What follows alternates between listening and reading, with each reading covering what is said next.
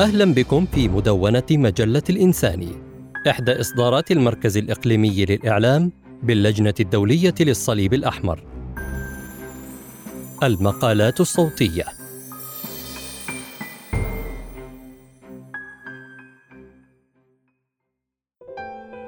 العمل المتجرد بلا تحيزات. فوائد التزام الحياد في العمل الإنساني زمان الحرب. فيونا تيري رئيسة مركز البحوث والخبرات في مجال العمليات في اللجنة الدولية للصليب الأحمر.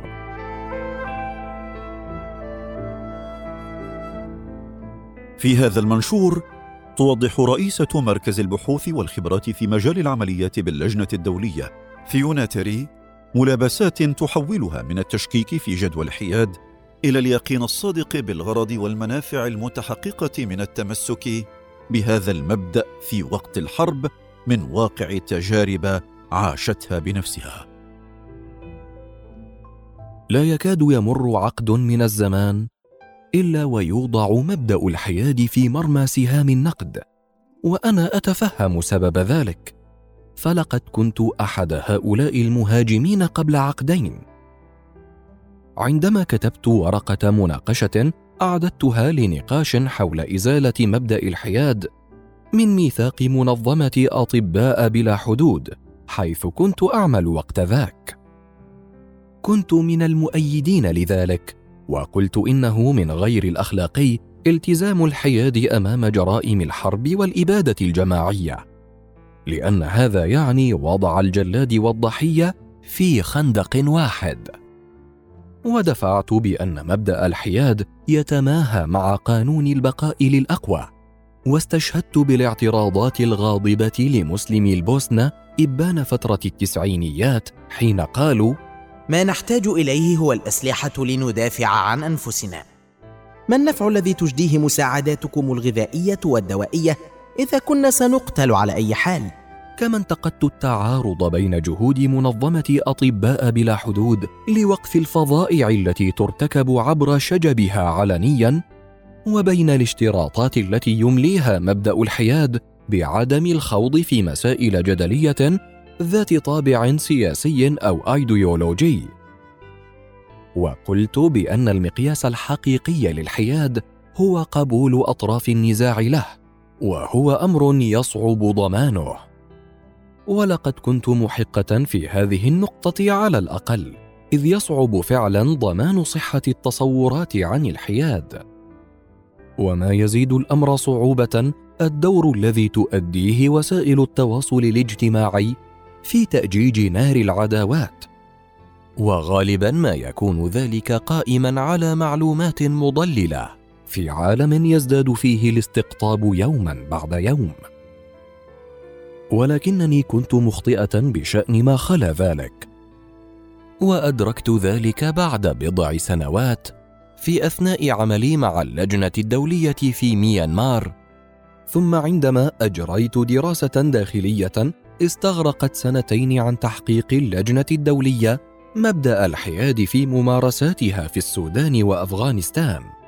وأدركت حينئذ أنني أسأت فهم وظيفة الحياد في العمل الإنساني على الرغم من أن الصيغة الشارحة للمبدأ أوردتها واضحة جلية فاللجنة الدولية تمتنع عن تأييد أي طرف من الأطراف في الأعمال العدائية أو المشاركة في الخلافات لسبب واضح هو أنها تسعى إلى نيل ثقة الجميع وهذا ليس موقفا اخلاقيا وإنما حالة متأصلة في عملياتها تسعى من خلالها إلى تيسير الوصول إلى الناس المكروبين على جانبي خط المواجهة. فاللجنة الدولية تهدف من خلال حرصها على تصدير صورة المنظمة غير المتحيزة تجاه الخصوم إلى كسب ثقة هؤلاء الخصوم وقبولهم حتى يتيحوا للمنظمة العمل بشكل فعال وفي مناخ آمن على الأراضي التي يسيطرون عليها. وتحرص اللجنة الدولية على تجنب منح الأطراف المتحاربة ذريعة لرفض عملها أو حظره أو إعاقته وهو ما يجعلها تمعن النظر فيما يصدر عنها من ألفاظ وأفعال من شأنها التأثير على الصورة الذهنية المترسخة في الأذهان عن حياد المنظمة. ومع هذا فالأمر ليس هينا. فكثيرا ما يقابل طلبنا بالوصول إلى المحتاجين بالرفض.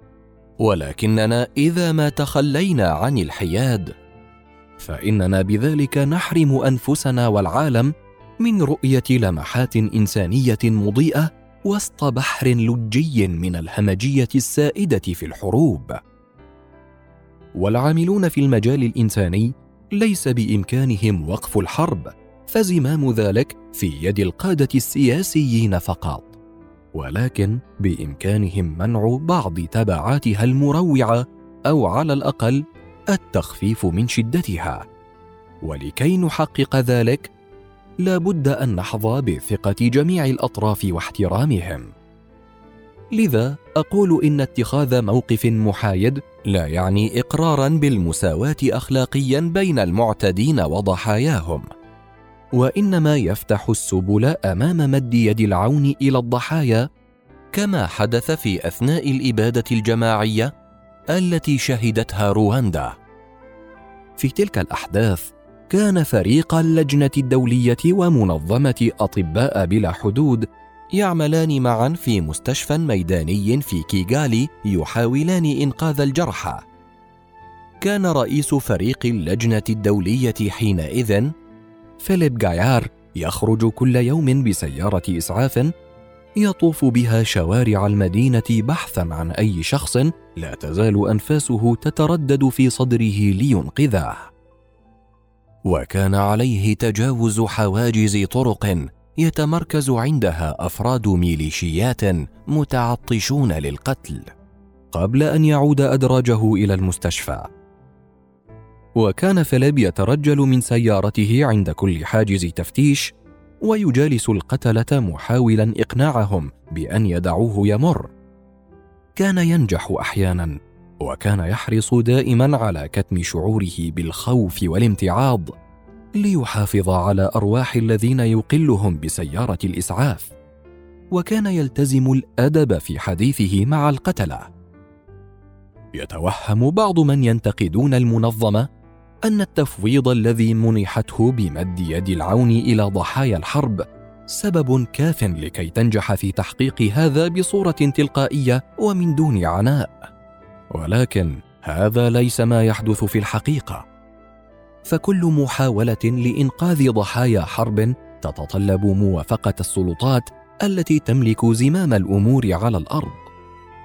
ويجب أن يتحلى العاملون في المجال الإنساني بالقدرة على الإقناع والحزم والجرأة والقدرة على التعامل مع من بيدهم مقاليد الأمور. أقر بأن التزام الحياد أمر صعب. ربما أصعب من اختيار الانحياز إلى جانب ما. ولطالما أثيرت شكوك حول مجرد إمكانية قبول فكرة التزام الحياد لا سيما بعد هجمات الحادي عشر من سبتمبر عام 2001 التي استهدفت الولايات المتحدة. وما تبعها من حرب على الإرهاب. حينئذ خاطبت الولايات المتحدة العالم قائلة أنتم إما معنا أو مع الإرهابيين. وهو المنطق الذي تأثرت بتوابعه فرقنا العاملة في الميدان تاثرا شديدا. إذ كانت تسعى إلى تقديم المساعدة إلى الأفغان على جانبي خطوط المواجهة وتجري زيارات لأفراد حركة طالبان الذين تاسرهم قوات التحالف وقوات الحكومة الأفغانية للتأكد من أنهم ينالون معاملة إنسانية. ثم جاءت فاجعة مقتل مهندس مياه تابع للجنة الدولية في آذار مارس 2003 لترتفع على إثرها الأصوات المشككة في جدوى التزام الحياد. ثم علت نبرة تلك الأصوات لتبلغ ذروتها؟ عندما استهدفت اللجنة الدولية في بغداد بهجومين بعد بضعة أشهر. ومع ذلك وبعد تأملات ووقفات كثيرة مع النفس لم ترضخ اللجنة الدولية لمن يوجهون إليها سهام النقد ولم تتخلى عن سعيها نحو صياغة دور محايد لها مع جميع الأطراف. فلقد ظلت اللجنة الدولية معتصمة بنهجها في إبداء الاهتمام المنطلق من دوافع إنسانية بشؤون العالقين في جحيم النزاعات المسلحة. وحازت بفضل ذلك إن لم يكن احترام الأطراف قبولهم على مضض على الأقل بحقيقة أن وجود وسيط محايد في وقت الحرب له فوائده. تستفيد جميع أطراف النزاع من موقف اللجنة الدولية الذي يتسم بالحياد فهو ييسر عبور خطوط المواجهة لإيصال المساعدات الإنسانية التي لا غنى عنها لإنقاذ الأرواح. كما ييسر زيارة المحتجزين الواقعين في قبضة مختلف الأطراف وتسجيلهم ونقل الأخبار عن أوضاعهم إلى ذويهم. ويتيح كذلك للجنة الدولية استخراج رفات الموتى حتى يتسنى إعادتهم إلى ذويهم ودفنهم بطريقة لائقة. ويكفل لها الاطلاع بدور في عمليات الإفراج عن الأسرى أو الرهائن أو تبادلهم. ويفتح مجالا لمناقشة الالتزام بالقوانين والمعايير الدولية بشأن النهج المتبعة في شن الحروب. وعلى عكس ما كنت أتصور في الماضي الحياد لا يفرض على اللجنة الدولية التزام الصمت حيال انتهاكات القانون الدولي الإنساني بل يهيئ حيزا للنقاش مع المسؤولين مسؤولية مباشرة عن ارتكابها. وهذه المناقشات تجريها اللجنة الدولية خلف أبواب مغلقة بشكل ثنائي وفي إطار من السرية التامة. هناك حيث تعرض الادعاءات ويخضع الفاعل للمساءلة وكون أن هذه التفاصيل لا تنشر على منصات التواصل الاجتماعي لا يعني عدم حدوثها فعلا. واحيانا يكون طلب التكتم نابعا من الأطراف المتحاربة وربما يكون الدافع من وراء ذلك حرص تلك الأطراف على ألا تظهر بمظهر من يرضخ للقانون. وهذه السرية التي نطوق بها جهودنا لا تعادل الرضا عن الأفعال التي ترتكب وهي ليست غير مشروطة. بيد أننا نعطي الأولوية لإجراء لقاءات مباشرة مع أولئك الذين يصدرون الأوامر ونجلسهم في كرسي المساءلة المباشرة. واللجنة الدولية تستعين بوسائل الإعلام الجماهيري في دعم عملها الثنائي والتوعية بالقانون الدولي الإنساني وشرح مبادئها. ونلجأ أحيانا إلى شجب السلوك المشين الذي ترتكبه أطراف النزاع في وقت الحرب. غير أننا لا نفعل ذلك إلا بعد استنزاف جميع سبل الإقناع الأخرى. وعندما يكون الشجب العلني في مصلحة الضحايا. يواجه العاملون في المجال الإنساني مجموعة من المعضلات وهم يحاولون التخفيف من معاناة المحاصرين في مناطق النزاع المسلح. ويجدون أنفسهم أمام خيارات صعبة لدى سعيهم إلى تحقيق التوازن بين الفوائد التي تجلبها عمليات الإغاثة والأضرار المحتملة من جرائها. والتزام الحياد لا يحل ايا من هذه المعضلات. ولكنه يقدم خطا ناظما منطقيا ومتسقا لجميع ما يبدر من اللجنة الدولية من أفعال وأقوال. والاتساق عنصر حيوي لبناء الثقة فكيف لمنظمة أن تحوز الثقة؟ إذا كانت مواقفها تتقلب تماهيا مع ما تجري به رياح المزاج العام. والحياد ليس مقابلا للتضامن. وإنما هو وسيلة يتوسل بها لترجمة هذا الشعور النبيل إلى أفعال. لقد أقرت منظمة أطباء بلا حدود بهذه الحقيقة قبل عشرين عاما وكنت حينها أقف في الجانب الخاسر في المناقشة التي انتهت بأن يظل مبدأ الحياد راسخا في ميثاق المنظمة.